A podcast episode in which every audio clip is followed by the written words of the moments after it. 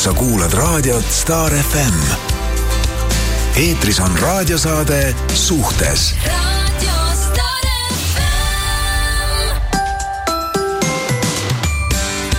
no nii, tere hommikust, kallid sõbrad, tere hommikust, Kirsti. tere hommikust, vot kelle häält te siin täna kuulate no mis ta on, on ju. superstaar on oma rahvusvaheliselt tuurilt tagasi.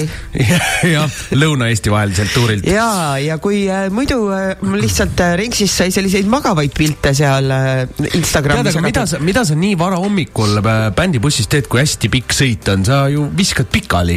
ja ma kirjutasin küll Jaagupile, et pane Ringsile klapid pähe, las kuulab saadet vähemalt et äh, läbi mul on, mul on see saade selge juba täna panin Instagrami story'sse kohe üles äh, Rene Puura silmad lahti. no näed. ma peaks vist Jassile tegelikult... ka selle saatma, et ta pole ammu näinud äkki sellist pilti eile nägi just laval, poolteist tundi jutti. ei, laval, laval, aga väljaspool lava. aa, väljaspool lava või? sa arvad niimoodi, kui mul lavalt maha tulen, siis läheb kohe stand-by peale, kohe laks magama.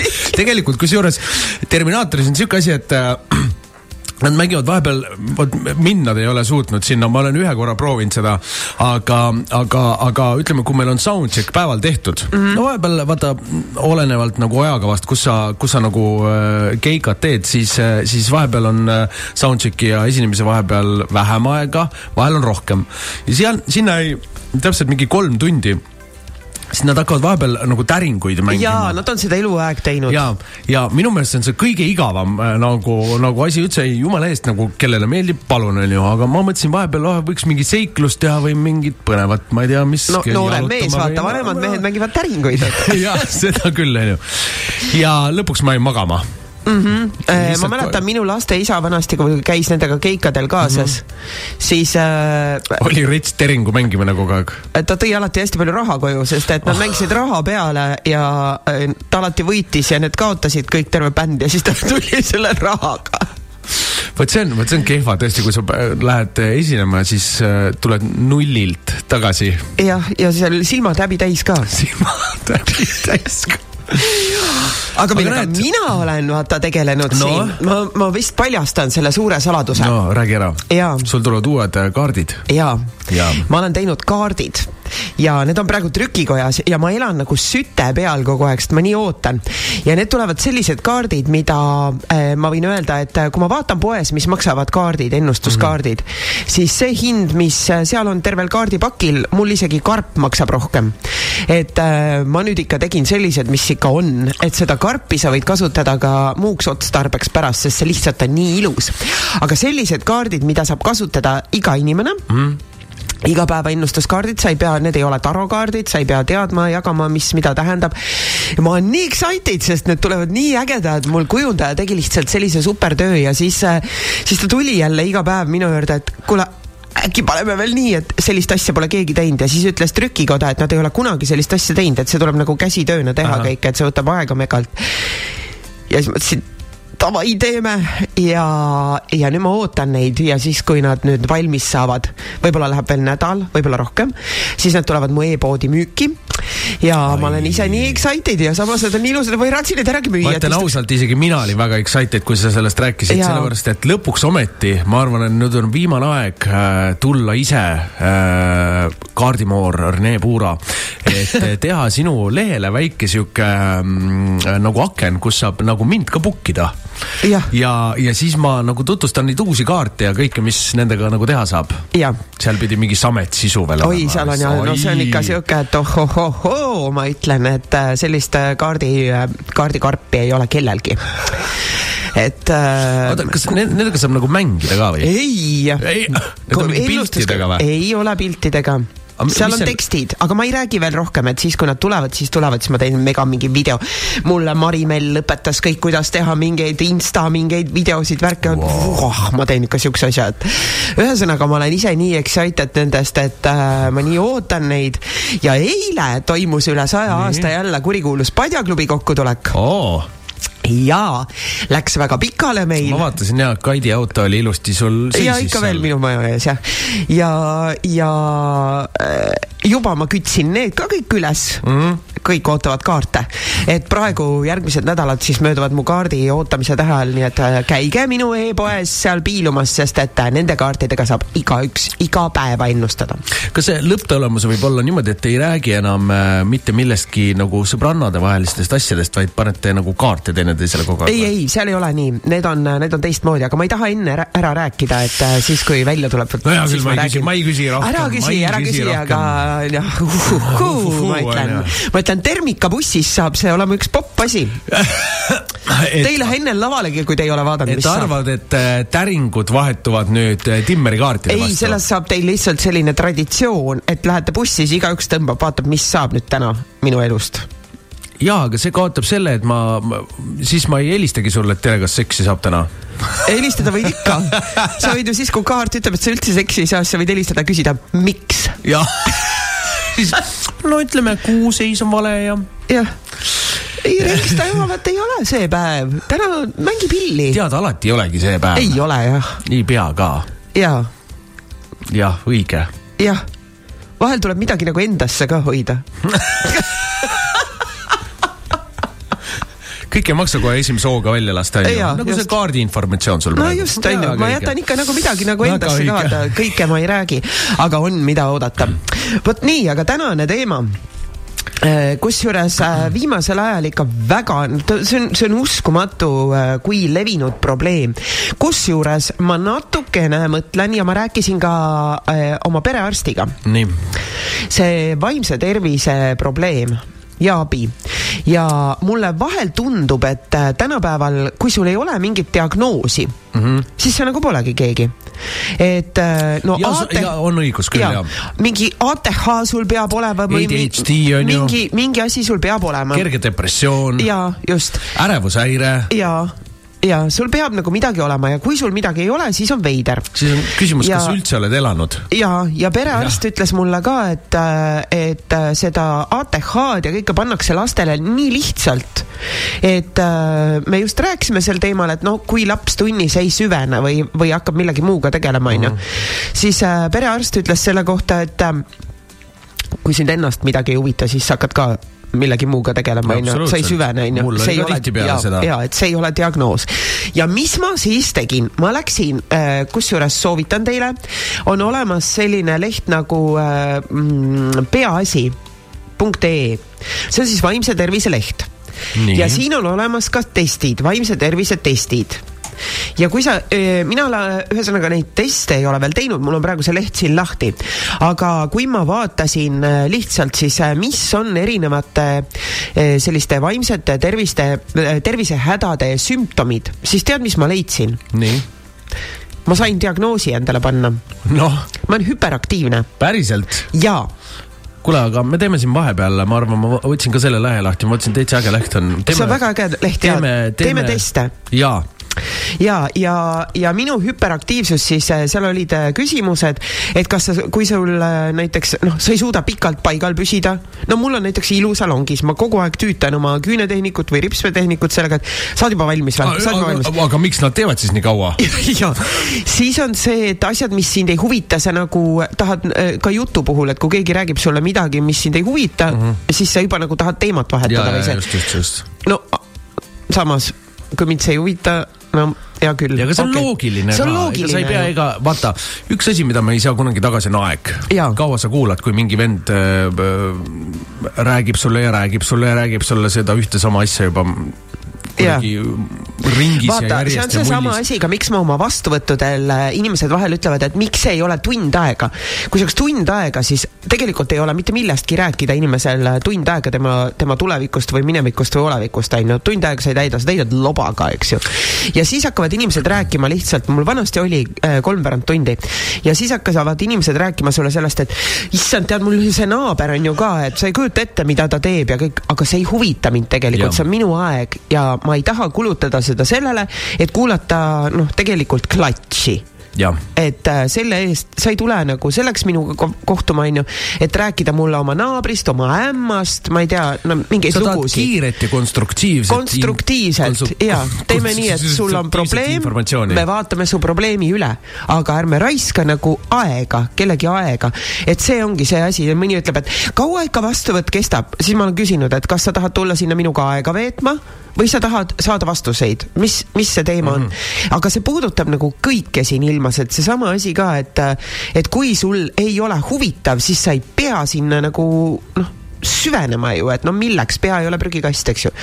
et no vot, aga täna sellest kõigest siis räägime, et ka nendest, kes on siis saanud tähendab, ootame nende inimeste kirju või telefonikõnesid täiesti suvaliselt mingeid diagnoose, et ongi see, et äh, oled natuke liiga võib-olla pinnapealne või mis iganes, kohe laksake ära.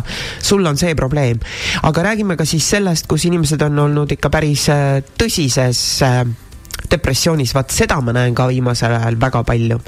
mis ja mille puhul on kurb see, et inimene tihti ei saa sellest aru ise, et tal on depressioon äh, no tead, oluliselt kurvem on, ma arvan, see, kui on äh, kes, kes, kes paljud natuke, natukene nagu tekitavad endale neid haigusi.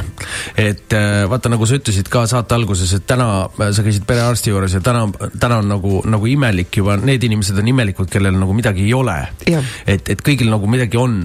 et, äh, et ma olen mingite noorte puhul ka tähele pannud, et igast väiksest asjast võetakse nagu kinni kuidagi, ah oh,, mul on nii raske, mul on kuidagi see ja mul on kuidagi see. et, et ähm, kuidagi varem võib-olla varem ei olnud see nagu kõik need teemad nii aktuaalsed, aga kuidagi suruti lihtsalt nagu läbi ennast. vaata mm -hmm. siuke, võta kokku, fuck it -hmm. oma depressioon ja fuck it oma asjad ja, ja pane edasi. no ma ütlen, ega lõpuni ei ole nagu see ka hea, kui sa kogu aeg kõike nagu alla, alla surud, et eh, lõpuks ta lööb kuskil eh, välja ja mingi plahvatus peab nagu tulema, aga, aga, aga nagu selline õpitud abitus või äh, liigne liiga sihuke. ohvri roll, kogu aeg see ohvri roll, eks ju. ja kui sa ennast paned juba sinna ohvri rolli ja muudkui aga süvendad endale seda, et sa oled kannataja, no siis äh, siis see hakkabki sinust süvenema lõpuks, et sa, sa teed endale seda selgeks ja siis ongi nii. ja siis sa juba oledki sellel seisukohal, et noh, siit ma enam välja ei roni.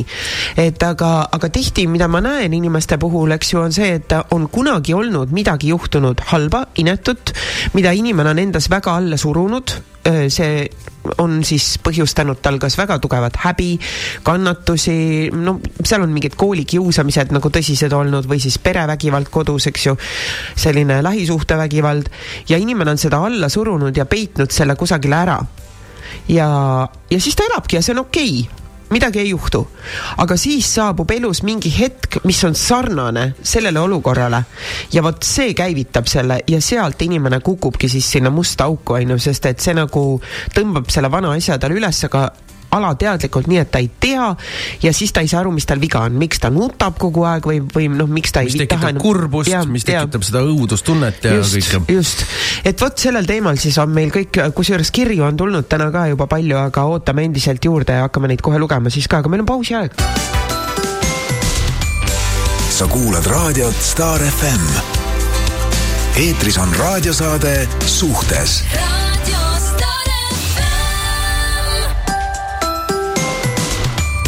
ja kuna kirju tuleb praegu palju, mis tähendab, et see teema puudutab inimesi, siis kas hakkame kohe minema või? hakkame minema võtan esimese. palun. tere, minu kogemused psühhiaatrite ja psühholoogidega pole üldse head olnud. kaheksa kuud pärast teise lapse sündi sain ma aru, et äh, mul on ilmselt sünnitusjärgne depressioon. hakkasin abi otsima, sain aja haiglasse kohale minnes ootasid mind ees meessoost psühhiaater, kelle jutt käis ümber augu ja paugu. anna mehele seksi ja su elu saab korda. uuris ja puuris ainult seksi teemat tegi kohatuid nalju, vaatas mu rindu, kui minuga rääkis. tema jaoks oligi ainus lahendus normaalse elu suunas, kui mehele palju seksi annan ja tablette neelama hakkaksin kohutav esimene kogemus. ma tulin sealt välja seistes õues ja ootasin bussi. sel hetkel sain vist mina tervemaks ja mõtlesin, et minul on vist üsna korras asjad, aga see mees vajab küll abi. mõtlesin ka sellele, kui sellise mehe juurde suunatakse noori tüdrukuid. kas ta nendele ka sellist juttu räägib? see nii häiris mind, aga teadsin, et pean tegelema endaga, mitte selle mehe ja tema probleemse käitumisega peale kolmanda lapse sündi tekkis mul mehega hullud ja elu esimesed ärevushäired ah,. tekkisid mul mega hullud ja elu esimesed ärevushäired. üks pisike samm äh, oli puudu, et ma päriselt oleksin hulluks läinud. võtsin oma kahenädalase beebi ja läksin perearsti juurde. tema suunas mind kiirelt edasi vaimse tervise keskusesse erakorralist abi saama juba samal päeval. ootasin ja nutsin seal ukse taga oma kahenädalane beebi süles. kuulasin, kuidas arstid irvitasid oma patsientide üle omavahel sosistades ja oh üllatust, kui mul sisse lubati minna, kes mind seal ees ootas? seesama kiimas vanamees. seekord ta seksi ei soovitanud, vaid küsis, kas imetan. kui vastasin, et jah, siis ütles, et no siis ma sulle tablette ei kirjuta. ma mõtlesin, kas tõesti see abi andmine käib niimoodi, et inimene tuleb uksest sisse, kirjutatakse talle rohud ja võib ära minna. ei mm. -hmm. Seletasin talle, et soovin naisterahvast, kellega vestelda ja ma ei soovi mingeid tablette. sain siis aja naisterahva juurde. aga selleni oli kuid aega hakkasin ise guugeldama, kelle juurde minna.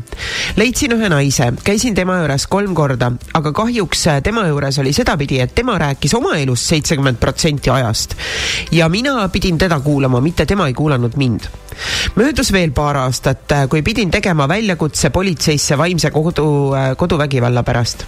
patrull suunas mind edasi ohvriabisse ja ohvriabi naiste tugikeskusesse, kus sain endale imelise nõustaja, kellest mul tõesti tookord mega kasu oli. Lõppkokkuvõttes oli ja on ema minu suurima abiallikas. kõik rasked hetked on olnud valmis ta kasvõi öösel minu juurde sõitma ja igatepidi toeks olema, kui mul seda on vaja olnud ja olen talle selle eest tohutult tänulik. paar aastat tagasi lasin äh, lahti oma pea kümme aastat kestvast suhtest, kus toimus pidev vaimne vägivald ja sellest hetkest alates hakkasin ma päriselt tervenema. Ja tänaseks olen ma ilmselt juba päris terveks saanud. tahan veel öelda nendele, kes kuulavad ja on vaimselt raskes seisus, siis ärge kartke abi küsida. ja neile, kes äh, näevad, et teie lähedane on vaimselt raskes äh, raskustes, siis olge talle toeks. lähedaste olemasolu ja toetus on üks parimaid ravimeid päikest vot äh, siin on see, eks ju, et meil siin äh, kõik äh, päris psühholoogid ja psühhiaatrid äh, taovad vastu rindu ja räägivad, kuidas nemad on õiged ja just ka see pealtnägija teema, mis oli, siis äh, no näed, siin ongi nagu need kogemused, et sa lähed uksest sisse, tabletid ja tšaubaka, et keegi ei tegele sinuga. mul käis just, oot, ma korra veel segan. Äh, mul käis äh, möödunud nädalal üks patsient, kes oli täpselt samamoodi väga raskes vaimses seisukorras ja see, mis me rääkisime temaga ja vaatasime neid aegu ja ma soovitasin talle lihtsalt äh, ka ühte ikkagi äh, päris professionaalset inimest, kust abi saada, eks ju, äh, nagu siis päris psüühiliste probleemidega, et mina ju seda ei tee ja sellega ei tegele ja ei ravi kedagi. aga, aga ma lihtsalt tean inimest, kes nagu päriselt oskab aidata. ja ta läks ära ja ta ütles mulle, et ta on käinud äh, väga kaua mööda erinevaid siis päris psühholooge ja psühhiaatreid ja nii edasi. ja ta ei ole kusagilt saanud kunagi nii palju abi, kui ta minu juures sai. ta läks ära, mul hakkasid pisarad jooksma, sest ma mõtlesin, et ja need arstid tegelikult või need psühhiaatrid siis eh,, kliinilised psühholoogid ja nii edasi, taovad endale vastu rinda ja, ja teevad äh, siis nagu maha neid, kes, äh, kes võib-olla teistmoodi aitavad, eks ju. aga noh see, see kiri on jälle selline ehe tõestus, et mingi kiimas vanamees istub ja räägib sulle seksi ja söö tablette. tead, aga ma ütlen, ma ütlen, et ega selle, sellepärast, kui, äh, kui sa ilmtingimata muusikat teed, siis see ei tähenda, et sa tead muusikat, et, et neid inimesi on ka hästi palju. Äh, aga, aga, aga võib-olla paljude nagu noh, nagu see kiimas vanamehe lugu on, vaata osadel, ma ütlen ka, et kui sa oled näiteks äh, mingis narkokeskuses äh, nõustad inimesi, kes, äh, kes peaks nagu üle saama sõltuvusest, siis tegelikult on kõige lihtsam äh, nagu niimoodi teha, et kes on ise selle ise ja, läbi käinud. et, et ma arvan, mõned inimesed, kes on lihtsalt õppinud seda sellepärast, et see asi huvitab ja on ise võib-olla nagu heas kohas, nad ei oska panna mm, ennast sinna selle inimese seisukohta, et miks ta ja. üldse sellises ja. probleemis on ja kuidas, mida ta tunneb, kui ta hakkab sealt välja tulema. see, see peab ka nagu teine empaatiavõime olema inimeste taju, vaata, et sa suudaks seda tööd teha, et see on samamoodi, et iga, igale ametile on, on sul vaja ju mingi, mingisugust äh, looduse poolt kaasa antud äh, natukene siis kasvõi nagu mingit annet või taju nagu selle kohta mm. -hmm. aga ma tahtsin tegelikult küsida, et ma mõtlen, kindlasti kuulab ka hästi palju mehi, et äh, kes võib-olla ei tea, ma ei tea, kas oskad seletada seda, mis asi on sünnitus? Järgne depressioon Nagu... kuna ma ei ole ise seda kunagi ma, põdenud, aga ma tean, et mõndadel inimestel see tõepoolest on, sul nagu sõidab katus ära, ma ei tea millest, aga guugelda, vaata. ja see ongi see, kus inimene langeb sellisesse masendusse, ta ei taha oma last toita ja nii edasi, mul on arstid rääkinud selliseid lugusid küll. sest minu vastuvõtul näiteks käib väga palju arste ja me oleme rääkinud ka sellistel teemadel, kus, kus inimene ei võta peale sünnitust oma last enda vastu ja ta ei taha teda katsuda ja ta ei taha teda rinnaga toita ja ja see, kui inimene jääb võib-olla ka üksi sellesama lapsega, aga vot mis need põhjused on täpselt, ma ei tea, ma ei ole psühholoog. et, et see, kuidas kui, kui sa siis nagu abi ei saa, siis see on nii süvenev asi ja see võib lõppeda väga inetult ja väga kurvalt. Need ongi need hirmsad lood, millest me lehest loeme, aga, aga seda ei märgata tihti. Ja need inimesed ei julge ka abi küsida. okei okay,, huvitav. nojah, seda küll ma vaatan, vaatan isegi äh, isegi, isegi siia, et enamus, kui me räägime kasvõi vaimsest tervisest või meeste tervisest või naiste tervisest, siis, siis naised on hästi palju nagu avatumad äh, rääkimaks ja ja küsimaks abi äh, ja. selle kohta. aga ma arvan, et kindlasti kõikidel inimestel on äh, korra elus või noh, oleneb muidugi inimesest äh, käia nagu korra või paar psühholoogi juures, lihtsalt rääkida nagu ära oma, oma asju, kuidas mingid, mingid on, sest paljud tegelikult me, me selles nagu suures virvarris ju tegelikult ei, ei istu maha vahepeal ei küsi endalt, et, et kas on midagi valesti või kas on kõik hästi. tead, mulle kas... ütles üks meesterahvas alles hiljuti äh, minu vastuvõtul, et tema jaoks on psühholoog või selline teraapia igalaupäevane meie saade ta ütles, et ta mõtleb täiesti kaasa, ta kuulab seda alati üksi.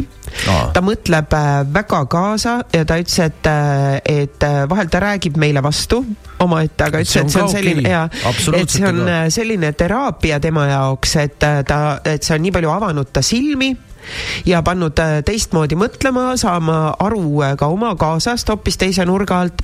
ja ta ütles, et temal on täiesti nagu selline teraapia, see saade.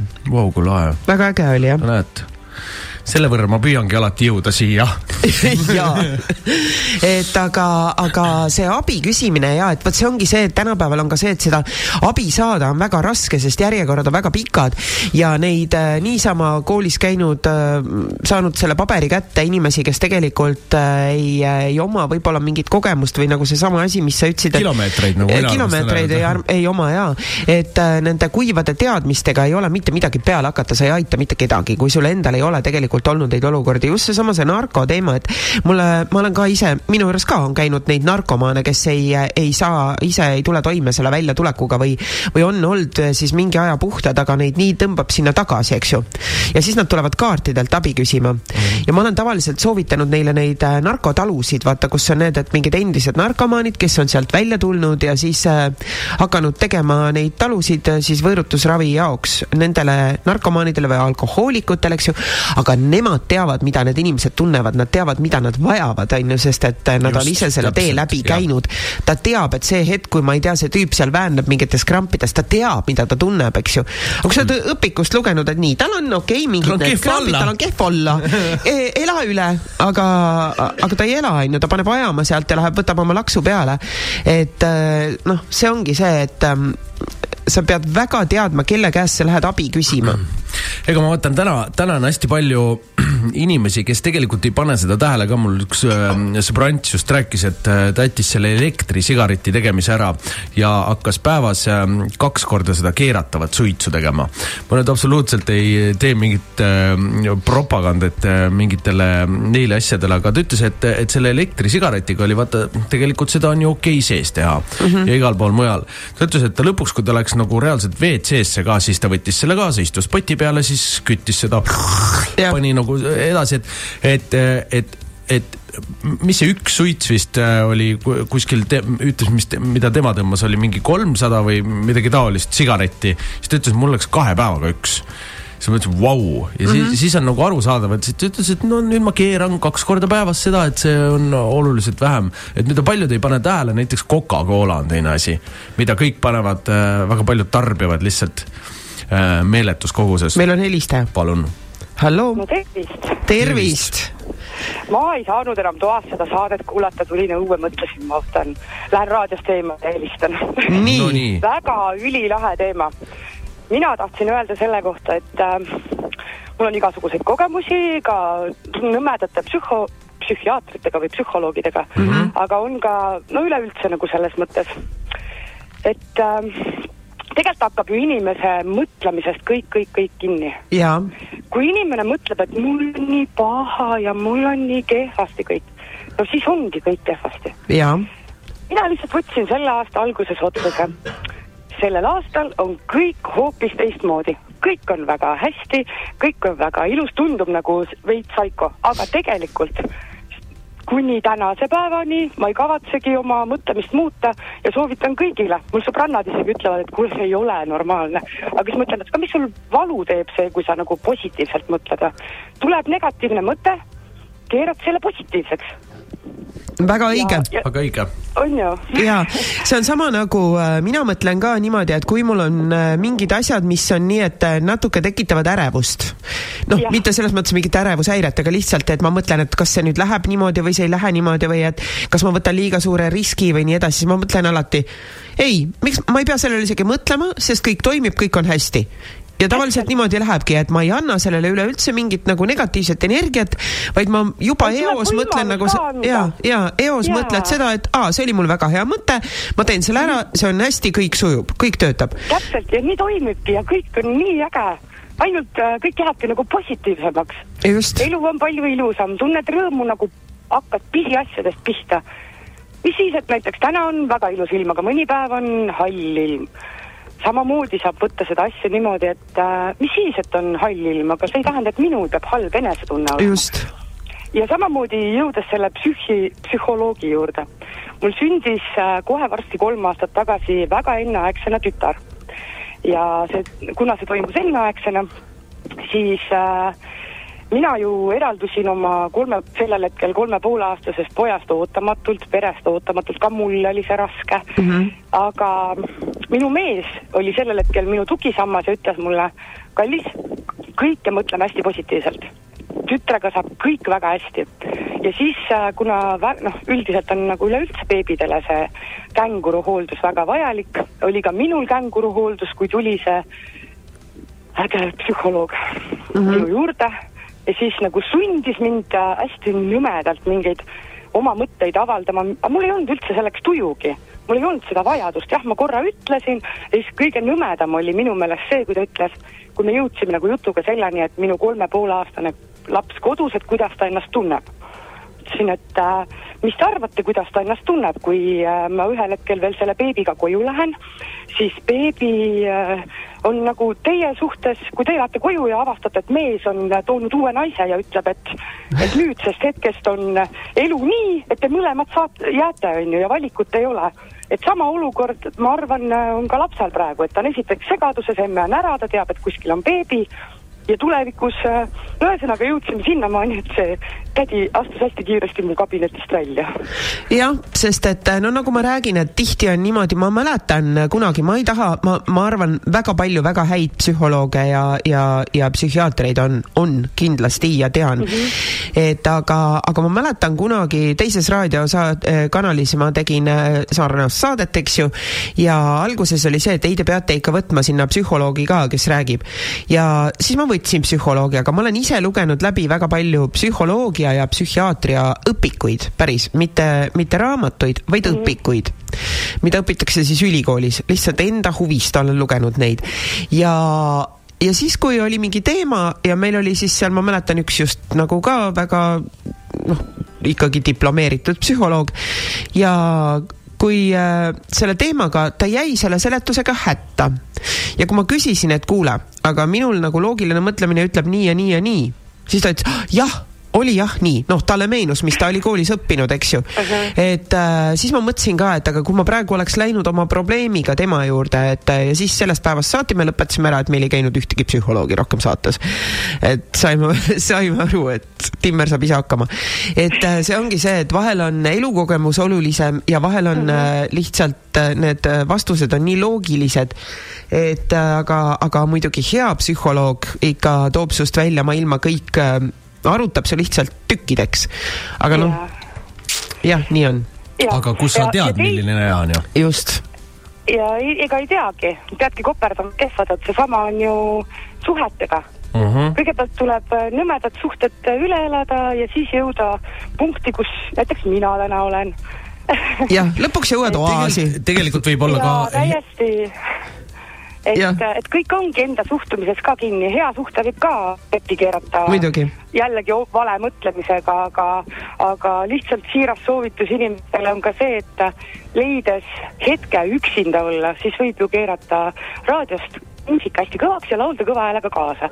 see teeb nagu pea tühjaks, igasugused nõmedad mõtted viib ära. karjud nii kõvasti kaasa, kui saad või lähed mõnele ägedale kontserdile ja, mina olen veel, seal kõvasti kaasa. mina olen veel soovitanud inimestele seda, et kui sa millegi peale vihastad või noh, mingi olukord nagu sind täiesti endast välja ajab, siis mine üksi kuhugi, trambi jalgu ja ropenda eriti kasuta R-tähega sõnu. R-täht vabastab hästi palju energiat sees. trambi ja ropenda, tee seda üksi ja sa elad need emotsioonid endast välja, siis lähed ära, tunned huh väga okei okay.. ja läks kohe kergemaks. Läks kergemaks. no mina, mina maandan ennast autoga sõites äh, kui ma näiteks äh, noh, lapsi kaasas pole, siis panengi hästi kõvasti, kuigi me kuulame lastega ka muusikat kõvasti ja nad ise lausa nõuavadki, et emme, pane kõvaks. ja siis laulamegi kõvasti kaasa, et äh, noh, kuidas keegi mm, -hmm. aga mhm. see aju ei tohi kogu aeg mõelda äh, pingsalt ka probleeme välja. just, jaa, vahel peab aju end lihtsalt välja elama. just, just aga aitäh sulle, et sa helistasid ja, ja ilusat päeva ja, ja positiivset mõtlemist siis. täpselt, kõigile teile ka, aitäh. aitäh. tšau. sa kuulad raadiot Star FM. eetris on raadiosaade Suhtes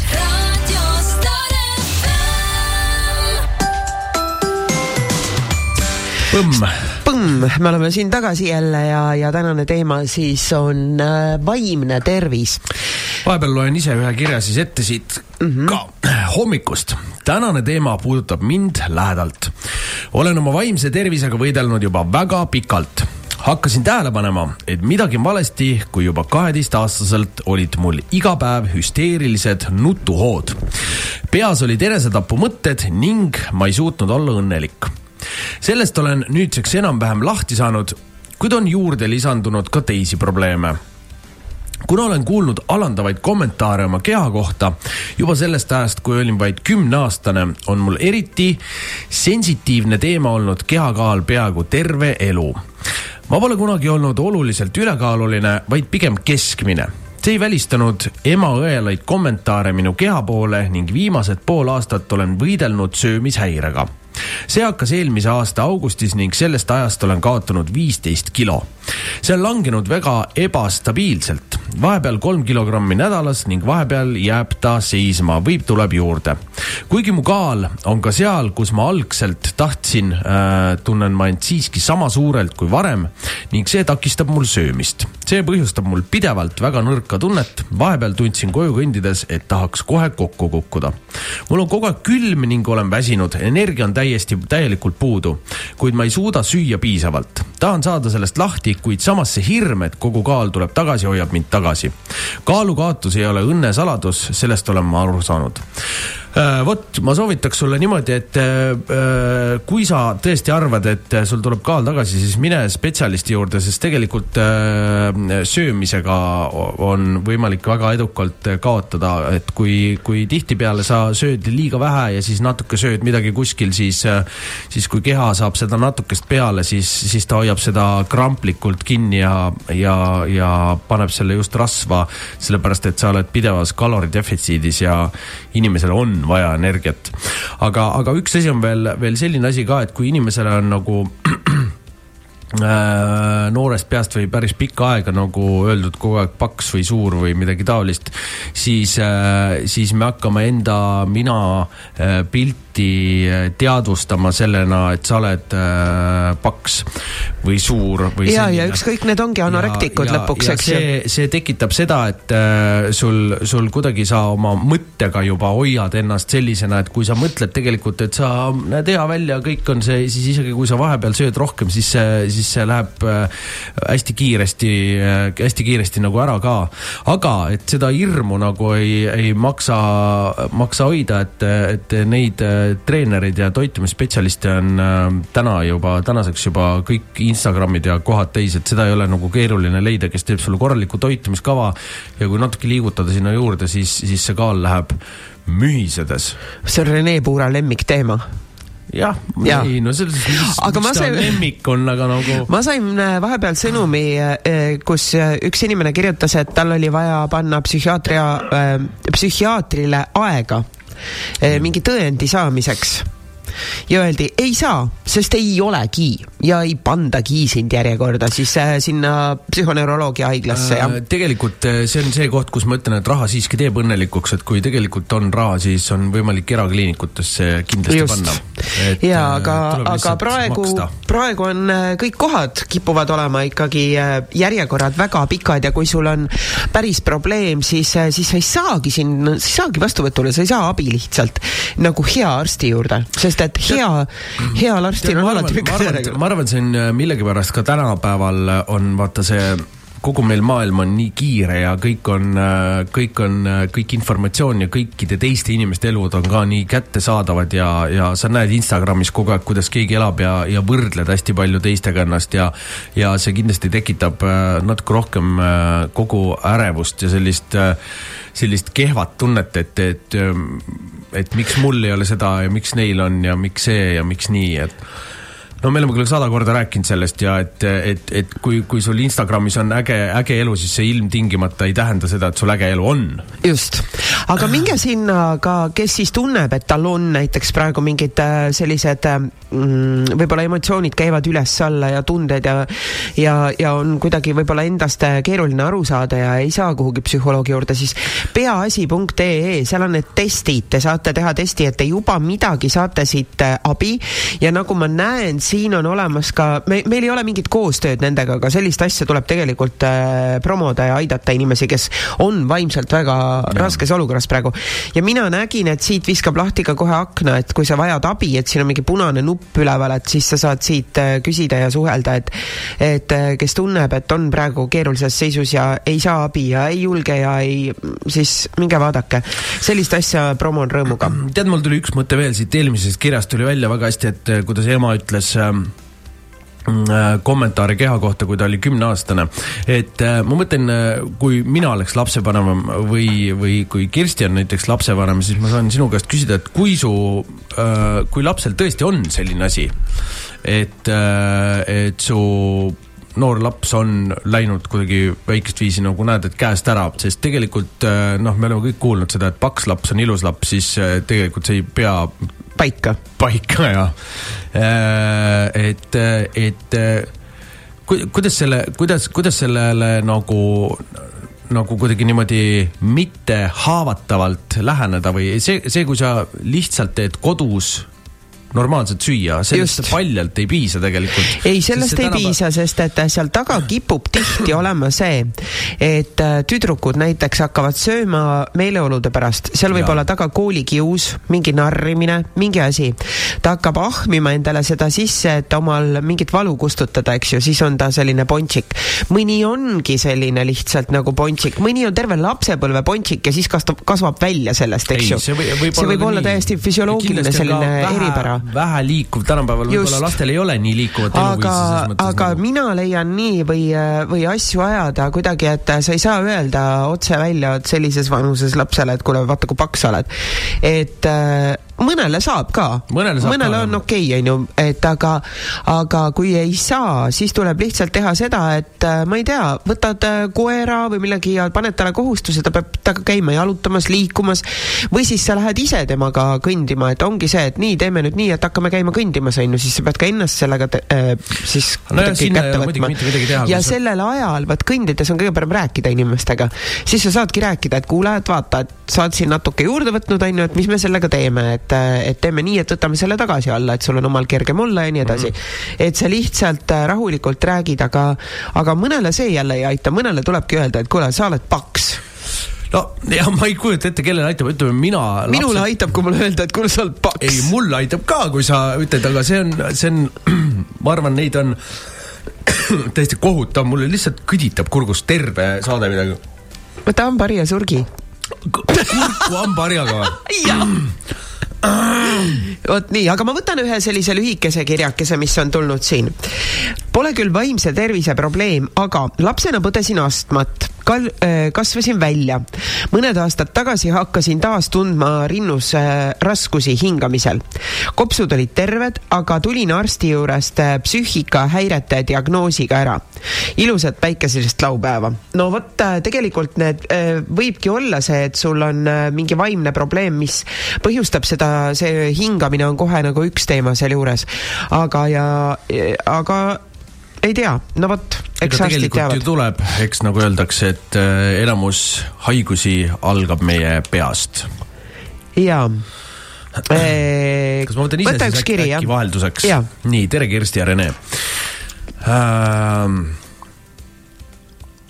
kunagi kirjutasin teile ka läbi kontaktivormi, ei tea, kas jõudis see kohale või mitte. nüüd aga olen ringiga tagasi teile kirjutamas.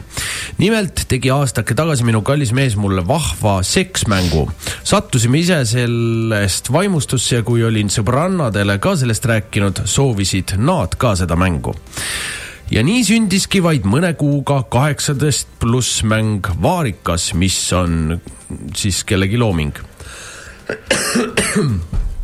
Sorry, ma siin suren vahepeal selle kurgu kõditusega. kuule, ta on oma, mis on mingi reklaam siia, ta on saatnud äh, reklaami meile. aa ah, jah, seda me ei tee. seda me ei tee, me ei tee, aga aitäh kirja eest. oi, siis mul on üks väga pikk kiri, oota, vaata, kas meil on natuke lühemat kirja ka, nii leidsin. tere, toredad, minu vaimne tervis on ilusti öeldes kehva. pidevad ärevushäired, paanikahood ja depressioon. emotsioonide kõikumine on meeletu ühel hetkel on kõik hästi ning järgmisel hetkel nutan põhjuseta lisaks olen ajaga muutunud suhtesõltlaseks. kaaslasel öö, äh, oma aega ei tohi üldse olla ning sõpradega välja minna ei saa. muidu tekib mul täielik paanika, õhupuudus ja lõpuks sekkub kiirabi. see meeleolu kõikumine on nii väsitav, et tahaks juba alla anda käin psühhiaatri juures, saan uusi rohtusid. osad on olukorda veel hullemaks teinud, aga ilma raskusteta äh,, ilma rahustiteta ka ei saa arvan, et probleem on selles, et ma ei käi tööl, olen palju kodus, ei taha kellegagi suhelda ning mõnikord ka toidupoodi minek tekitab ärevust. olen väga pikalt proovinud tööd leida, kuid asjatult.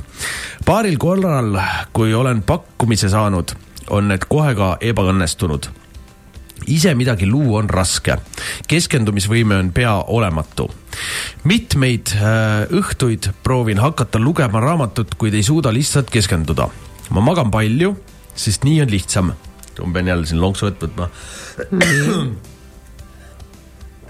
hommikuti olen ikka väsinud ja motivatsiooni ärgata ei ole olen mõelnud erinevaid variante, lahkumine vist kaaslasest, kolimist, aga kõik seisab töökoha leidmise taga nüüd arst ütles, et ma hetkel tööd ei otsiks, kuna minu ebastabiilses seisundis ei ole see võimalik. proovin ja pingutan, aga lahendust ei tule. olen noor ja kõik peaks alles ees olema, aga tunnen ennast nii vana ja väsinuna kõigest sellest. Teie kui veidi vanemad ja kogenumad, mida soovitaksite veel proovida minu olukorras? konstellatsiooni olen proovinud ning järgmise plaanina minna psühholoogi juurde, kuid varasem kogemus ei ole hea no vot, minu puhul on see, et ma olen äh, tavaliselt äh, noh, kui mina vaatan kaarte, eks ju, siis ma vaatan ära, mis on see põhjus, miks, mis olukord on äh, inimesel seda kunagi põhjustanud. Ehm, aidata ma ei oska, et see on ikkagi tegelikult siis vaim, vaimse tervisega tegelevate inimeste abi. aga selleni tuleb jõuda, et mis on see põhjus, miks sul need äh, üleüldse on tekkinud, kus see, kus see sest, äh, iva on? sest tegelikult äh, näiteks ärevushäire, paanikahoog, ta tuleb ka veidikene nagu selle, äh, selle põhjal, et sa kardad midagi, mis ei ole siis juhtunud või, või, või mis siis hakkab juhtuma või mm, -hmm. või, või et, et midagi, et äh, ma ei tea, võib-olla sa natuke peaksid mõtlema, et mis mis su elus on sellised sellised, sellised kohad, mis tekitavad sellist hirmu, ma mõtlen enda kohal on vahepeal nagu noh, ma ei, mul on naljakas öelda ärevus, sest tänapäeval on seda kasutatud, seda ärevushäiret juba nii palju, nagu minu jaoks on alati nagu lavaeelne närv, vaata, kui sa mm -hmm. vahepeal lähed lavale, siis sul kerge on sabin on sees. et eks, eks vahel harva on ikka nagu see, sellist situatsiooni, kus sa oled nagu ma ei, nüüd ei too paralleeli absoluutselt selle, selle eelmise kirjaga, aga, aga kus, kus on see koht, et kui on veidikene selline nagu teadmatuse tunne või mis hakkab saama, siis ikka võib tekkida kerge. ja, aga nagu... need asjad ei ole sellised ei, asjad, kus sul kiirabi sekkub, see ei ole see, see on seda, kusagil on see alge, mis nüüd on nagu trigerdanud seda. inimesed äh,, inimesed vahepeal võivad teadlikult ka viia ennast äh,, see on täpselt samamoodi, vaata, mida sa suudad ajuga teha, ma mäletan, kui, kui koroonaaeg, taaskord ütleme, see ei ole, see ei ole absoluutselt sama, see on oluliselt nagu, ma räägin oluliselt lihtsamast variandist. aga kui tekkis ka see koroona olukord, korraks ma tulin koju, vaatasin, et issand, mul korraks äh, tegelikult on nagu hästi tuline vist olla, äkki mul on palavik, siis ma hakkasin mõtlema, et nüüd mul võibki olla koroona ja see on see ja see on see ja järsku. see on see, et sa oled neitsi tähtkuju. ja siis ma ütlesin korraks endale, et oota, hoidke nüüd hobuseid, istu korraks maha ja nagu chill, sul ei ole midagi.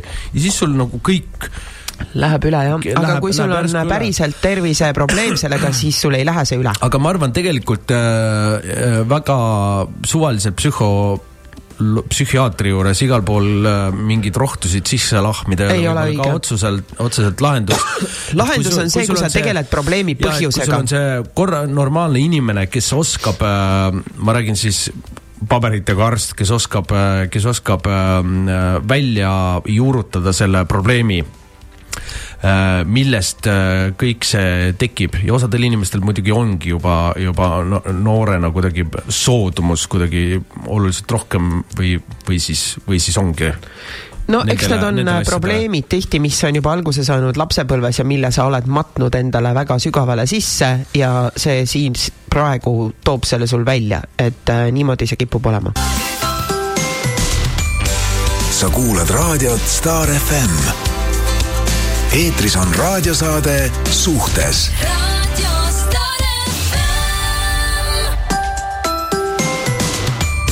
no vot ja olemegi teise tundi juba jõudnud oma matkaga, oma seiklusrikka reisiga. oleme siin potsti maha patsatanud ja üks tund ongi veel jäänud. matkaga. oma matkaga. meie suhtesaate matk. jah. nii kuigi äh, äh, nii kus me läheme siis edasi, lähme kuskil kirjaga edasi. Lähme kirjaga jah, võta see pikk kiri siis, mis okay, oli. tere, mina olin üks nendest inimestest, kes pidas depressiooni selliseks kergeks haiguseks. ma polnud seda mitte kunagi kogenud ja ma ei teadnud, mis asi see on. kui koroona algas, siis mina olin üks esimesi, kes koju pidi jääma mu töö oli selline, et kodus ei olnud seda võimalik teha. mind see eriti ei kurvastanud, olin pigem rõõmus, et puhata saab, sest palka saime me siiski edasi. ma olen ka suur trennihunt, aga trenni enam ei saanud ka see ei tekitanud probleemi, lihased ju vajavad ka puhkust. üleüldiselt oli see kõik mulle pigem nagu puhkus. sotsiaalne elu läks ka pausile, kõik istusid kodus ja kohtama väga ei kippunud. mul oli kodus üks äh, Labrador. on kodus üks labrador, seega mul ei tekitanud ka kodus olemine mingit probleemi. selle suhtlemispausi oli, selle suhtlemispausi üle oli mul pisut hea meel saab pisut puhata ka suhtlemisest. nii ma siis kodus istusin, hommikuti ja õhtuti käisin koeraga jalutamas, päeval koristasin või vaatasin sarju. elu oli mõnus. üks hetk ma ei saanud, ma ei, üks hetk äh, ma ei tea, mis ajal, ma ei viitsinud enam üldse inimestega suhelda. ma vastasin harva kõnedele ja sõnumitele, isegi kui vastasin, siis hästi lühidalt, et ei peaks suhtlema. kui koeraga väljas käisin, siis äh, valisin kohti, kus inimesi eriti ei olnud kuigi ma elan kesklinnas, siis neid nurgataguseid on ikka palju. ma hakkasin inimesi pelgama, mis on veider, sest ma ei ole kunagi selline olnud. ja nii me siis koeraga elasime nagu kaks erakut mingil hetkel ma ei suutnud enam sarju vaadata, need olid nii igavad. ma pigem istusin vaikuses või magasin. issand jumal. üks õhtu ma võtsin veini ja peale kahe pokaali ma läksin rõdule. ma vaatasin rõdult alla ja mõtlesin, et mis oleks, kui hüppaks alla. kas ma siis tunneksin midagi? ma lihtsalt olin kaotanud kõik emotsioonid ja mulle tundus mu elu nii tühine, sest ma ei suutnud isegi viha tunda. ma päriselt ei suut-, tundnud mitte midagi, ma lihtsalt vegeteerisin. loomulikult ma alla ei hüpanud äh,. ma lihtsalt mängutasin selle mõttega. järgmisel päeval ma helistasin oma sõbrannale ta on psühholoog ja rääkisin talle oma veidr-, veidrustest. ilma pikemalt mõtlemata teatas ta mulle, et mul on depressioon me rääkisime, ma sain aru, et kogu see koroona asi mõjus mulle rängalt. ma ei saanud teha tööd, mida armastasin ja ma ei saanud teha trenni, mis on mu kirg. mul puudus igasugune sotsiaalne elu, sest ma ise kapseldasin ennast koju. ma ei tahtnud võtta ravimeid, ma mõtlesin, et sellest peab kuidagi teisiti jagu saama. Saigi, ma läksin Hawaii'sse ja ostsin endale korraliku maastikuratta ma sõitsin iga päev tunde metsa vahel ja ka linnas, see oli nii lõbus. ma sain oma emotsioonid jälle tagasi. nüüd ma saan aru, et depressioon ei ole midagi lihtsat ja ma tean nüüd ka seda, et see ei ole nagu hambavalu, mis tuleb ootamatult ja tugevalt. kui see tuleb, siis see tuleb vaikselt ja aeglaselt, aga see laastab palju rohkem selline oli siis minu vaimse tervise lugu, tervitades. ja äh, olen näinud ka endal äh, vastuvõtutoas selliseid inimesi, kes äh, kui tulevad alguses, ütlevad, et ma ei tea, mis mul viga on. tavaliselt on see, et äh, öeldakse, et äh, tead, äkki ma peaks tööd vahetama.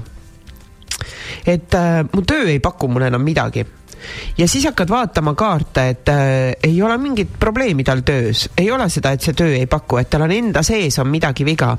ja kui hakkad vaatama seda inimest ennast, siis tulebki välja, et inimesel on juba see depressioon tekkinud mingi, aga ta ei oska seda seletada, ta ei, ta ei saa sellest muud moodi aru, kui ta seostab seda, et äkki mul on töövale, äkki ma peaksin lahku minema või äkki ma peaks kolima, noh, ta tahab mingit muutust, aga ta ei saa aru, mis see on, sest see ei paku enam midagi, aga meile keegi helistab, halloo tervist. tervist. ma tahtsin, äh, noh, ma päris tegelikult saadet alguses ei kuulnud, et kui laialt te seda teemat arutate, aga üks küsimus oli just selles, et missugused on psühhiaatrite või psühholoogidega kogemused. jaa. noh, minul nagu, mina otseselt nagu vast, vastuvõtul pole käinud, aga mind ennast huvitab psühholoogia. ja, ja noh mu isa oli psühhiaater ja üks isapoolne sugulane oli psühhiaater. nii et võib-olla sellepärast. aga vot üks asi, millele ma jäin mõtlema, oli see, et vot see üks psühhiaater, kes vahel räägib ka või on ta siis tegeleb selle alkoholi probleemidega, et tema puhul mind häirib see, et no ma tean, et psühhiaatrid Äh, noh, selleks, et enda psüühika oleks korras, äh, tegelevad igasugu noh, hobidega ja, ja niimoodi, aga mulle tundub, et see üks psühhiaater on niisugune, et ta nagu kipub liiga palju nalja viskama, et ma arvan, et Äh, aa, no tegelikult ei, me siin mitte ei äh,, ei räägi seda, et milline keegi psühhiaater on, vaid pigem ikka seda, et kui keegi on kusagilt saanud abi, siis äh, soovitusi, et kelle juurde minna, et äh, ärme analüüsi siin äh, spetsiaalselt no, eraldi neid psühhiaatreid, et äh, selleks meie saade ei ole, aga aitäh, et helistasid. ei, selle, selles mõttes ma tahtsin ütelda, et noh, ma tõin selle lihtsalt välja, aga, aga üks asi, millega mina näiteks olen ennast äh, mingisugusest probleemist vabastanud, et et eh, tõesti, ma nagu mõtlen selle probleemi kõigepealt läbi, et eh, mis on positiivsed ja mis on negatiivsed küljed ja siis ma, siis ma proovin neid negatiivseid külgi kõigepealt hakata noh, nagu, noh nagu ära lahendama või niimoodi mm. -hmm. siis, kui need probleemid on ära lahendatud, siis ma hakkan positiivsetele asjadele mõtlema ja, ja noh, lõpuks noh, olengi seal mäe tipul, eks ju.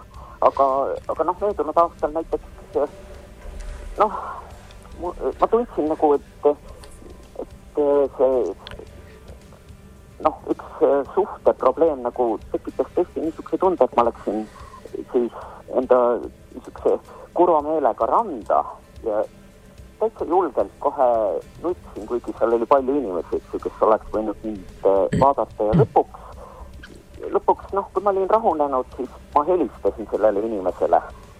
Ja ma sain sellest ka abi, nii et väga tubli, et äh, sellised ja asjad tuleb ära lahendada, aga aitäh sulle, et äh, asjad lahenevadki siis, kui sa nad ära lahendad, aga ma võtan ka kirja nii, tere Kirsti ja Rene. minu isiklik nägemus on, et äh, psühholoog on inimene, kes õpib ise oma patsientide pealt, kuidas elada. minul on kohutavaid kogemusi nii lapsega kui lähedastega. laps oli kolmeaastane, pidevad kõhuvalud, jooksutati mööda arste ja psühholooge, diagnoos, lapsel on närvid läbi.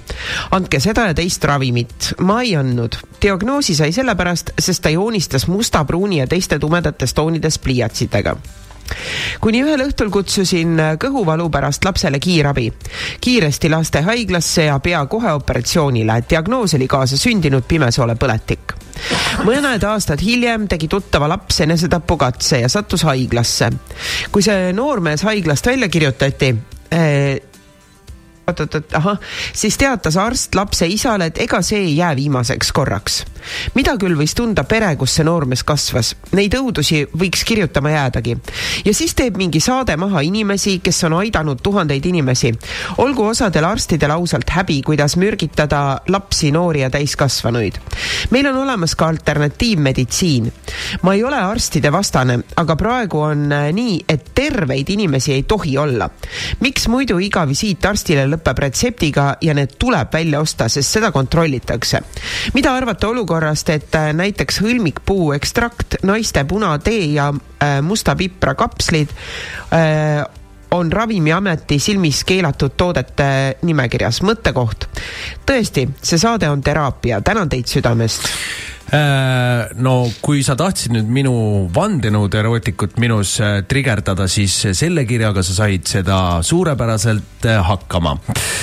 kui me räägime nüüd ravimitööstusest kui sellisest, siis minu meelest kui mingid suured perekonnad selle, kus oli minu meelest viiekümnendatel kogu selle apteegisüsteemi ja kõik selle ära ostsid, siis, äh, siis äh, kõik muutus, väga palju tuli sinna keemiat ja kõike seda sisse. ma ei tea nüüd konkreetselt selle, mm, äh, mis ekstrakti kohta ta ütles seal, mis see oli?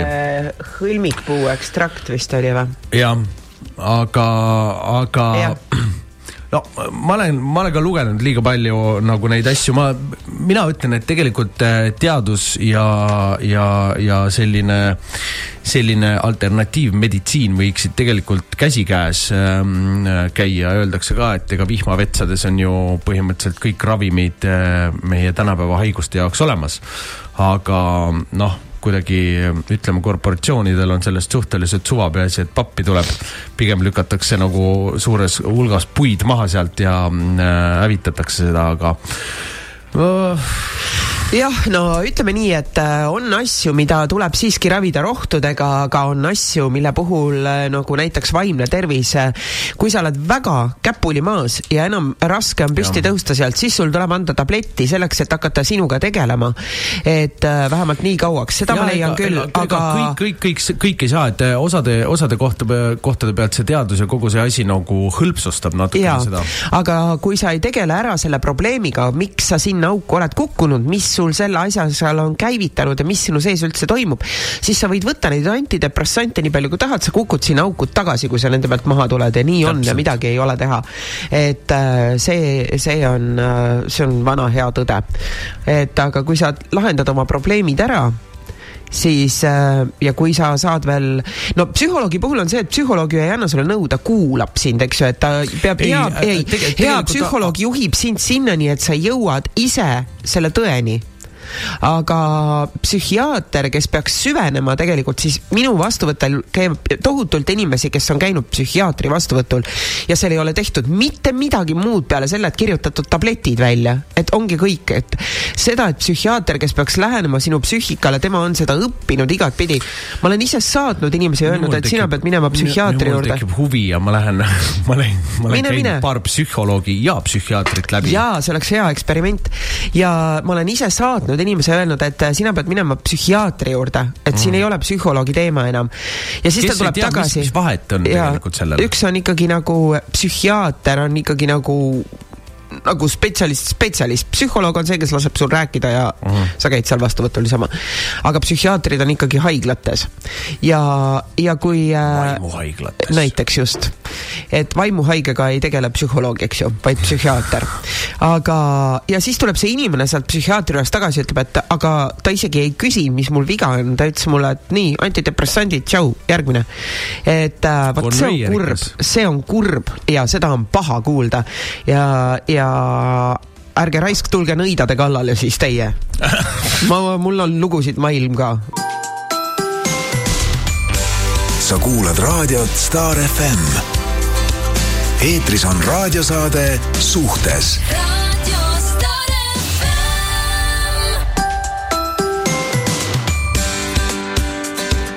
no nii, meil ei ole enam äh, palju jäänud, meil on pool tundi veel, aga sa teed testi praegu või? ma tegin testi ära, jah. tegid testi ära, nii, mis sa teada said? ma sain teada, et äh, mul on vist äh, uh, unehäirete tunnused. ahah, nii, ja mis diagnoosi saab sulle panna uh,? rahutud jalad oota, ma hakkan siin Uh, uuringud ütlevad, et vähemalt saja viiekümne minut, sada viiskümmend minutit füüsilist aktiivsust nädalas võib olla depressiooni ennetava toimega, ei, see mul on olemas uh,. füüsiline aktiivsus on olemas, jälg, et liiguks regulaarselt, see on olemas toit on tervislikud, see on olemas, uni keskmiselt vajab inimene igal ööl kaheksa tundi und, kui oled märganud, et unevajadus on oluliselt kasvanud. no kaheksa tundi enamus ajast ikka ei, ei pruugi tulla. no vot, hakkab pihta seda ütles äh, perearst ka, et kui ei maga äh, ööund täis, siis ongi see, et siis sul on äh, raskem keskenduda ja siis sa oledki lihtsalt väsinud või natuke selline. nüüd tuleb see vana hea Eesti mehe lause, aga tööd on vaja teha. okei, nii, ma võtan ühe kirja kuidas see lause oli, oota üldse, et ära sega, mehed võtavad viina. jah, ära sega mehed võtavad viina. nii, mõnusat äh, laupäeva teile sinna Tallinnasse. mulle väga meeldis kunagi kõrvu jäänud Kirsti mõte, millest on omajagu aega möödas ja eks täpselt ei mäleta, kuidas lause oli, aga enda jaoks ma kuidagi leidsin sealt sellise mõtte, et kui on sitt, siis kurdad mure sõbrale ära ja liigu edasi. saad pea selgeks ja alati ei peagi sõber nõu andma, piisab kuulamisest. ja see on hea, see on selline tugevate inimeste elu äh, lähenemine. ja, sest ise juba leiad lahendused. muidugi, kui pidevalt on üks ja sama mure, vot siis tuleb pöörduda psühholoogi juurde, sest me keegi ei jaksa kuulata ühte ja sama katkist grammofoni.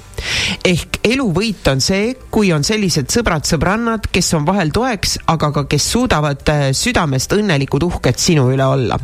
PS, teid on alati nii mõnus kuulata laupäevase koristamise taustaks, olge ikka sama muhedad edasi.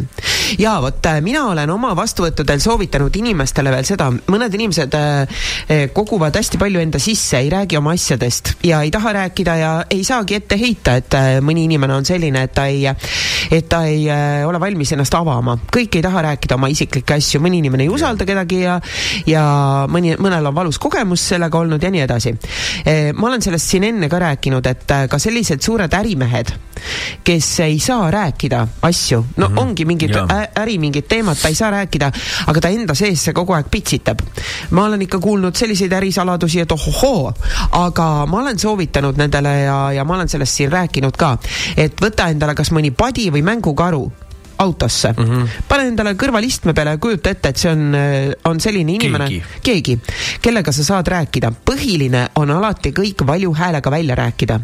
et kui sa ise oma peas mõtled, siis sa võid mõelda need asjad nii hulluks aga kui sa räägid valju häälega välja ja kujutad ette, et see teine räägib sulle seda või, või noh. jah, või et, siis kirjapanek on ka üks variant. või kirjapanek ja nii, et sa saad ise, sa võid ise vastata. et ma ei tea, naised ka, et riigid pesu, siis samal ajal räägi ja vasta endale, nii nagu keegi teine räägiks sulle seda juttu. sest kui sa valjuhäälselt räägid asja välja, siis see kõlab mõnikord nii, et sa saad ise juba aru, et oh, piinlik, onju, kuidas ma nii lolli mõtet üldse mõtlen. et äh, aga enda peas kedrates on need mõtted kõik sellised, et sa võid nad muudkui kedrata ja kedrata ja hullemaks neid mõelda. ja mul on tulnud äh, needsamad meesterahvad pärast ütlema, et tead, alguses oli küll nagu idioodi tunne, onju. aga mul see karu seal autos on parim sõber, saad aru, et kuramus, see ikka mõistab, onju. ja sa saad, sul on keegi, kellele sa saad kõik välja rääkida. et äh, seesama asi ka nagu, et oma emotsioone ei tohi enda sees hoida, et sa ei pea pea neid kellegi peale välja elama, ka kellelegi neid näitama, kui ei taha, aga kasuta üksi olles seda aega, et kui sa tahad nutta, siis nuta. kui sa tahad karjuda, siis karju, tee seda üksi, on ju, trambi jalgu, ela neid emotsioone välja, et emotsioone ei tohi sisse koguda. väga hea mõte, mina laulan autos kõva häälega. väga hea, mina olen ka seda teinud. no vot, ma võtan siit järgmise kirja minul on teismeeast peale olnud tugevad meeleolu kõikumised. eriti hulluks läks asi emaks saades ja peale igat sünnitust on olnud väga hägused perioodid. abi kui sellist äh, ei ole ma taga ajanud. mõned korrad olen käinud erinevate nõustajate juures, kuid tõesti kipub olema nii, et mina kuulan rohkem teda kui nõustaja mind. möödunud sügisel leidsin end mõtetega mingis ulme sügavast mülkast ja ei osanud äh,, osanud mitte kuidagi edasi minna. kolme lapse kõrvalt ei ole ma osanud leida endale hetki iseendale. isegi mitte nii palju, et mõni oma mõte lõpuni mõelda kuid äh, kord vankriga jalutuskäigul olles nägin äkki sulgi, valgeid, õrnu, lendlevaid ja mingid mõtted hakkasid vormuma mu peas äh,. teate äh,, teade inglitelt võimalik. koju jõudes istusin maha, et end tühjaks kirjutada. Endale üllatuseks olid mõtted hoopis tumedamad, kui uskuda julgesin kirjutamisest oli abi, lasin mingid emotsioonid vabaks ja sain kergemalt hingates edasi minna. nüüd üritan teadlikumalt planeerida aega iseendale ja rasketel hetkedel jälle kirjutan või laulan või tantsin kogu südamega, kogu kehaga. ja see on õige. siin ta nüüd kirjutas hästi pika äh, luuletuse või? jaa, aga seda ma vist ei loe ette. jah. nii, aga minule kirjutas ansamblist Terminaator Mehis Kreem ja Mehis kirjutas nii meie, aa, me oleme mehisest rääkinud siin ju. oota, aga va, vaata kõigepealt enne, kui ta kirjutas sulle, mis ta kirjutas sulle, vaata, kas, kas sa üldse saad, saad selle ette rääkida? saan lugeda. ei, nime, kas sa saad üldse öelda? saan, saan, ja. ja mehis kirjutab, mina olen mõõtmatus koguses parimat nõu saanud oma hea sõbra Puura käest. ja nii mõnigi elumuutev otsus on langetatud just tänu temale. mul on siiralt kahju, et kõigil pole sellist sõpra nagu Renks oh, mehis. mehis. ma ütlen, mehis, mehis oskab mu alati nutma panna. jaa.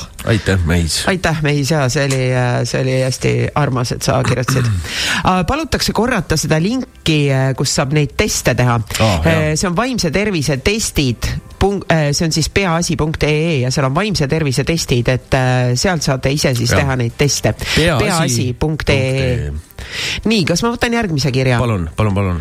minul on diagnoositud psüühikahäire, mille nimeks on skisofreeniline häire.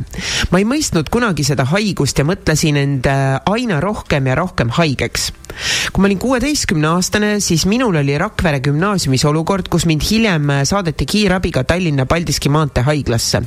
ma ei saanud algul aru, kus ma olen ja miks mind hullumajja pandi. minul võttis kaua aega, enne kui aru sain sellest olukorrast, et ma olen hull hullumajas. kui ma Tallinna haiglast välja sain, arvasin, et võtan oma, oma ravimeid ja kõik saab jälle taas terveks ja mina saan korda oma asjad. aga seda ei juhtunud, sest peale Rakvere kooli jäi aasta mul veel vahele ja peale seda arvasin, et minu elu läheb kergemaks, aga hoopis läks hullemaks. ma läksin Rakvere ametikooli edasi õppima ja mind mõnitati kolm aastat hulluks. mind äh, vaadati igal pool viltu ei saanud ma koolis, poes, sõbrannadega väljas käia, kui kogu aeg näidati näpuga mu peale.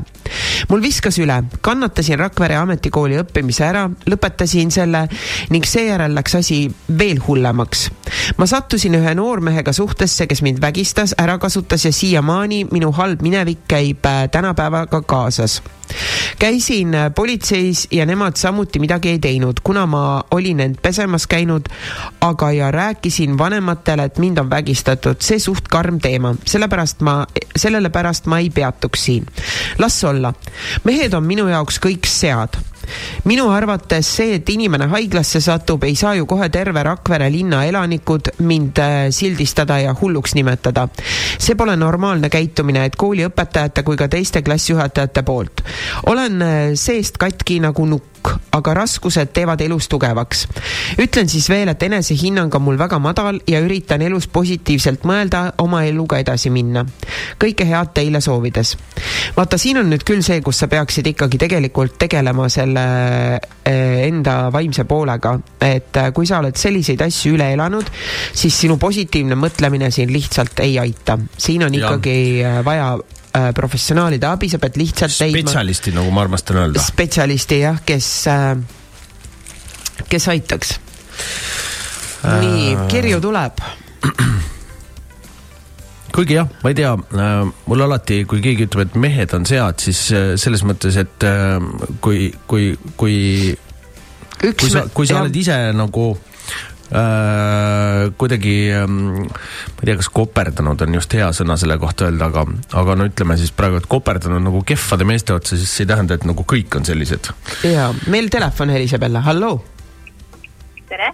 tere. tervist kuulan teie saadet ja ma tahtsin kangesti natukese kaasa rääkida selles osas, et ähm, no mul on olnud ka mingi äh, aastaid tagasi siin väga keeruline psüühiline olukord ja et ma nagu kõik on õige see, et, et iga inimene leiab endale selle sobiva lahenduse, aga ma natuke kaitseks neid ravimeid, et äh, point on nagu selles, et kui ma, nagu inimene on ikka nagu väga-väga katki ja noh, minul näiteks isiklikult oli see, et ma ei söönud, ma ei maganud ja kõik nagu oli põhjustatud sellest, et minu aju nagu liikus nagu näitlikult ühes sügavas kraavis edasi-tagasi. Ehk ma nagu kogu aeg mõtlesin ainult ühtlasi mõtteid ja sellepärast ma ei suutnud nagu mitte millegi muu peale mõelda ja keha nagu kippus nagu üles ütlema juba mm. -hmm.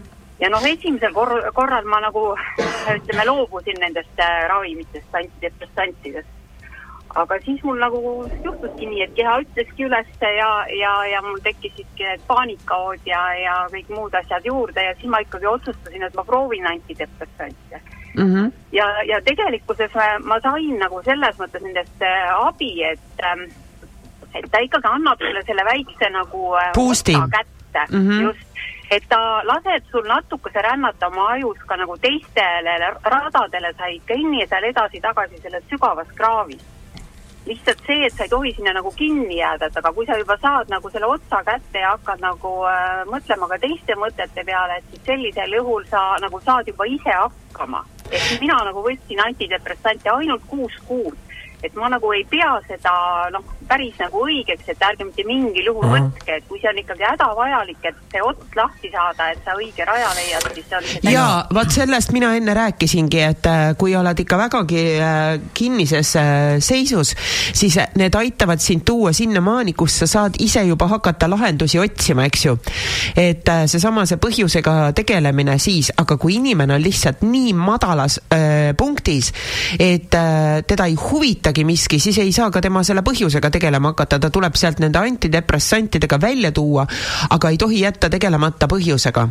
Just, just. Ja tegelikult noh, ikkagi see ravimitega koos peaks käima ka ikka see psühholoogiline nõustamine. arsti, arsti järelevalve all peaks see kõik see toimuma ja ikkagi tema peaks olema vastutustundlik inimene, kes näeb, et kuhu maani siis nagu peaks need ravimid seal peal olema ja kuhu mitte, et mul nagu vedas, et mul teise psühho, psühholoogiga nagu vedas, et esimesega ei klappinud nagu kuidagi, aga jaa, aga. alati ei ole need saatanast. ei ole, ei ole, ei ole, selle kohta ma ei ütle midagi, ma lihtsalt ütlen seda, et kui sa lähed psühhiaatri juurde ja ta ei süvene sinu probleemi, millega ta peaks hakkama tegelema, vaid ainult rohud peale, kõik söö ära ja siis tule järgmine kord tagasi, kui oled jälle käpuli kukkunud, et see. inimesi on erinevaid ja, ja omavahel, kuidas keegi kellegiga sobib, et eks see jah, on nagu ja. aga aitäh sulle! ilusat päeva! tead, mul tuli väga hea mõte selle kohta väga paljud, ütleme, kes on äh, ka nagu äh, vaimselt kehvas kohas, vaata inimesed, kes proovivad muuta oma elu või mis iganes. et mis paljudel nagu noorte seas on just hästi levinud, on nagu mingi retsi moodi pidupanek ja, ja igasugused ähm, ka põnevad ähm, medikamentained, äh, siis, äh, siis tihtipeale, kui sa, kui sa hästi palju elad sellist äh, nagu peoelu äh,, ka hästi palju näiteks tarvitad alkoholi või ei söö korralikult või siis ei söö võtad üldse. õnnetabletikesi või armastuse tabletikesi või mis iganes. no isegi kui sa neid tabletikesi ei võta ega mitte midagi ja kui sa nagu tarbid alkoholi liiga, liiga palju, paned palju pidu ja magad väga vähe, vaata siis keha on tegelikult nagu neist ähm, vitamiinidest ja asjadest hästi tühi ja see see, see tähendab ka seda, vaata, miks äh, väga palju vaata, et inimesi, kui nullist peale boost itakse üles, vaata tegelikult on haiglates sihuke, kui sul mm -hmm. pannakse tilguti külge, vaata, et sa saad kõik need vitamiinid, asjad kätte, see tegelikult äh, võid vist mingi erakliinikus, see oli vist mingi sada nelikümmend eurot või midagi taolist, kus sa saad isegi noh, põhimõtteliselt, et ütleme, kui sa teed kõvema peo, järgmine päev lähed, paned selle hopsas saa endale selle, äh, selle tilguti külge, siis sa oled paarikümne minuti pärast nagu uus inimene jälle. et, et mis on ka asi see, miks paljud ei suuda tulla sellest kehvast kehvast kohast välja, on see, et äh, kuna see aju on sellest vitamiinidest äh, ja dopamiinist ja serotoniinist nii tühjaks nagu saadud, et ta, ta nagu ei suuda õigesti töötada ja isegi nagu tuua sind välja sellest mõtte äh, või sellest kehvast mõttemaailmast. et selleks on vaja nagu boost ida samamoodi enda aju, samamoodi nagu on vaja boost ida keha, et, et ta oleks nagu võimekam sa kuulad raadiot Star FM eetris on raadiosaade Suhtes.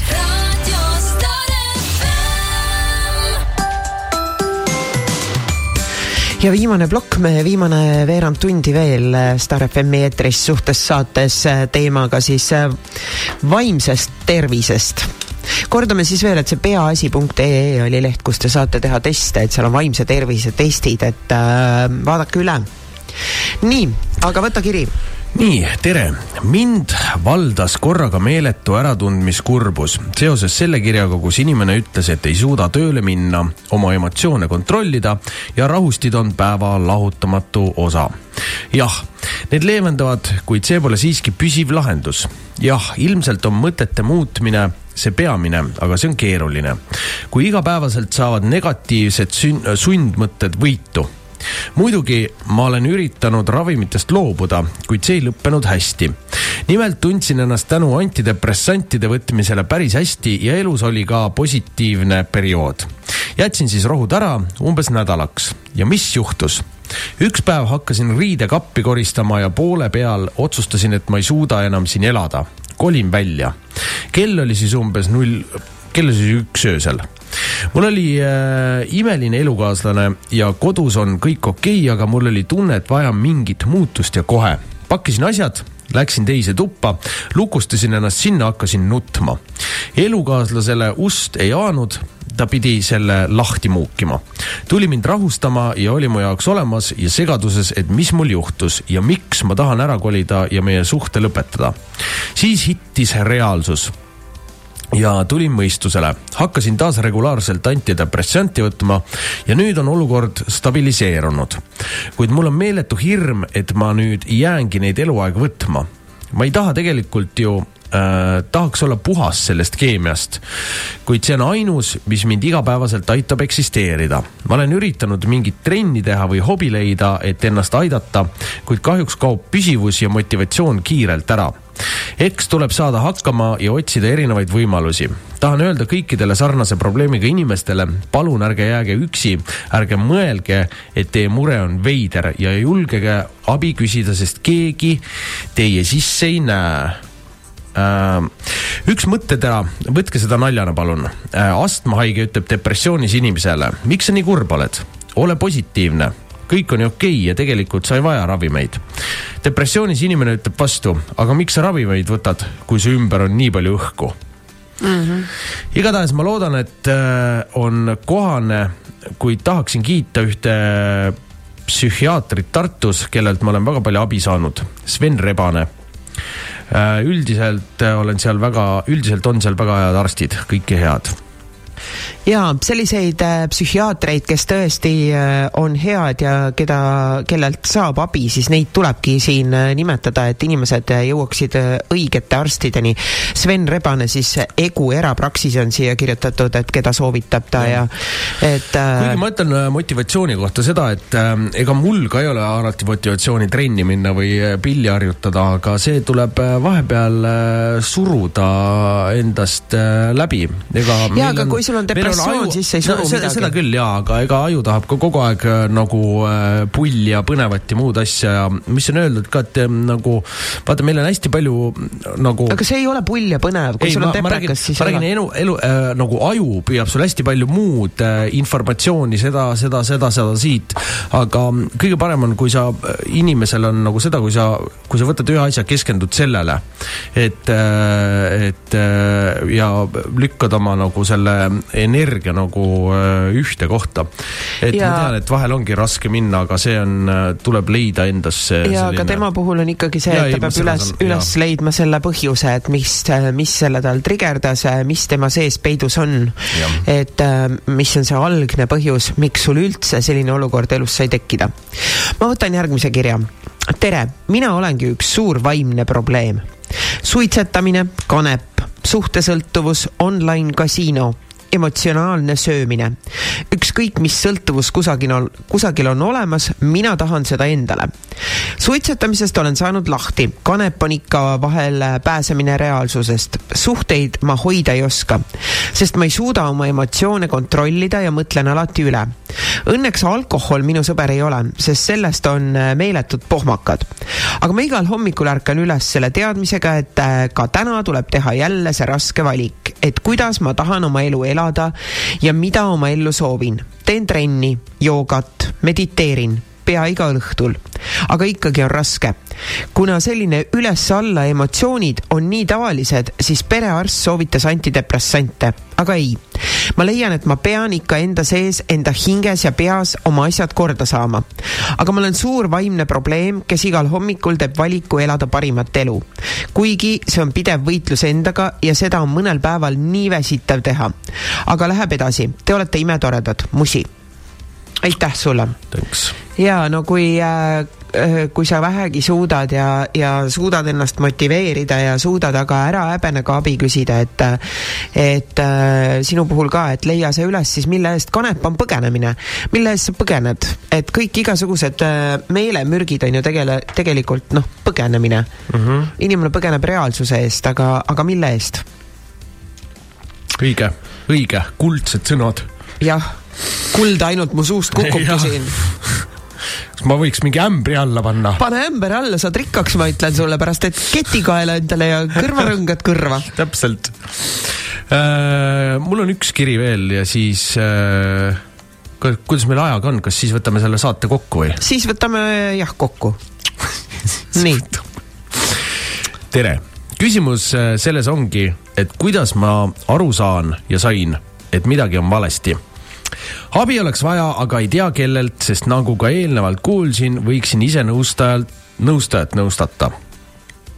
mure on selles, et ei oska enam kuidagi elada, kuidas olla. asi ikka jutumärkides õnnelikus abielus, kolmkümmend kuus kas siis aastat vana või abielus kolmkümmend kuus, no ma arvan, et aastat vana. nagu aru saa-, nagu aru saada, pole see kaugeltki õnnelik kui üks pool on rahul mugava eluga, probleemivabalt ja selle teise kanda jääb kõik muu, siis pole ju kõik korras. Pole võimalik jutte selgeks rääkida, sest see esimene lihtsalt ei räägi. kaua sa ikka üksi monoloogi pead? korra oleme ka baariteraapias psühholoogi juures käinud, kuid see jäi ka viimaseks, sest mees keeldus kaasa tulema. võõrad inimesed ju ei tea mitte midagi, et nõu anda.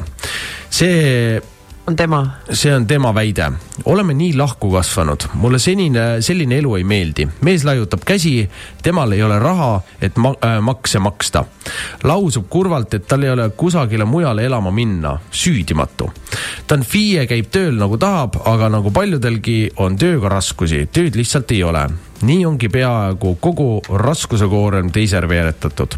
ei taha nagu pommi ka alla panna, et inimene liigutama, äh, et inimest liigutama panna ja hea oleks, kui kasvõi mõtlemagi hakkaks, et edasi minna. olen nõutu ja ma just äh, kirjutasin oma kodulehel, minge vaadake kirstitimmer.ee sellel teemal, et äh, oot-oot-oot, kuidas see siin sõnastus mul oli, kohe ma vaatan, kohe ma vaatan, kui sa ei julge elada nii, et oleksid õnnelik. Mm vot seesama, seesama asi, see igatpidi kogu aeg vabanduste otsimine ja, ja kahjutunne teise inimese puhul ja kõik nii edasi. et äh, ikkagi midagi ei ole teha, meil on üks elu ja me ei saa elada seda nii, et äh, mul on kogu aeg kellestki kahju või ma sean kogu aeg kedagi endast paremaks või sellega lihtsalt inimene hävitab iseenda elu uh. -huh. et äh, vahel ei ole midagi teha, kui teine inimene on pomm sinu jala küljes, siis see on tema valik. tavaliselt need pommid muutuvad väga tegusateks ja väga aktiivseteks inimesteks, kui nad vette visata. et kui sa jätad ta maha, siis äh, tal ei ole muud varianti, ta saab hakkama, siis ei ole seda, et tööd ei ole ja tööd ei leia, küll ta leiab, kui tal on vaja et elus püsida. aga kui me oleme ise loonud teisele inimesele mugavustsooni, ehk sa maksadki ise kõik kinni, sina teed, sina oled, sest tema lihtsalt ei tee seda, siis äh, nii on väga mugav elada teisel inimesel, aga ta ei hakkagi ennast liigutama, ta ei hakka, ta leiab sul sada vabandust alati. aga siin tuleb teha lihtsalt selline konkreetne kannakas selle jaoks, et see on sinu elu ja kui sina tahad oma elu elada äh, vabalt, õnnelikult ja nii, et äh, asjad toimiks, mitte sul keegi ei lohiseks kogu aeg kanna küljes, siis äh,, siis ei loe see, et sul on kahju sõnad või... suust mult. ja, ja tuleb maha raputada sellised, et äh, ma näen oma vastuvõttudel selliseid naisi pidevalt, kellel mees äh, leiab, kellel leiab juba kümme aastat, kellel viisteist aastat seda, et ei ole tööd, no ei ole. minule väärilist palka ei maksta kusagilt, eks ju. et ja siis, siis need, tuleb võtta kehvem palk ja alustada siis tuleb võtta, aga naine rügab kolme koha peal, kolme kehva kohaga palgaga, eks ju, selleks, et siis seda pagana vorsti seal kodus üleval pidada, kes istub diivani peal ja, ja leiab, et temale väärilist palka kusagilt ei tule.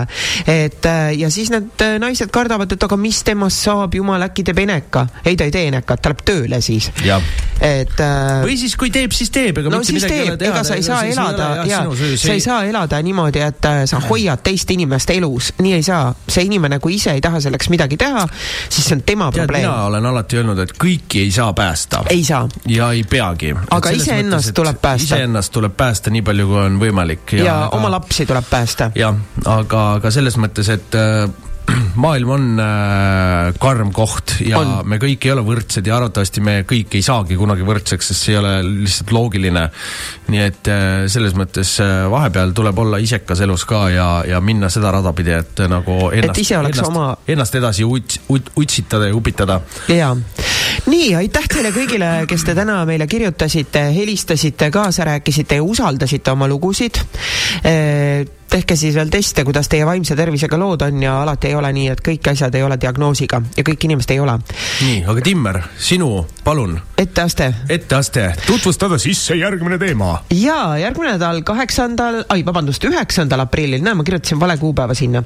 üheksandal aprillil me oleme siis Renksiga siin jälle nagu kaks tupsununnud kohal, lõbustame teid äh, teemal, mis ei ole üldse lõbus, kius täiskasvanute maailmas seda kiusamist äh, tuleb ette, see on, see on nii loll ja jabur, aga paraku töösuhted äh,, purunenud suhted, ekskaasad, ekskaasade eksid, praeguste kaasade eksid, ämmad, vanemad, õed-vennad, mingid päranditeemad, kus käibki üks totaalne teise inimese kiusamine mhm. -huh. ja, ja paraku täiskasvanud inimesed käituvad vahel nagu pooletoobised. ja tegelevad äh, selliste asjadega ja kõigest sellest äh, siis, kui lolliks võib midagi minna või, või millega te olete elus kokku puutunud, kõigest sellest räägime siis äh, järgmisel nädalal. kirjad või, võib juba täna teele panna, sest väljas on nii rõve ilm, et sinna ei ole mõtet minna, külm on, vastik on. saab rahulikult, saab rahulikult kirjutada kodus. saab rahulikult kirjutada. meili saata. ja võtke see aeg ja, ja pange oma, oma lugu teele. ja kohtume siis järgmisel laupäeval. selge, näeme nädala pärast, kõike head ja nägemist. tšau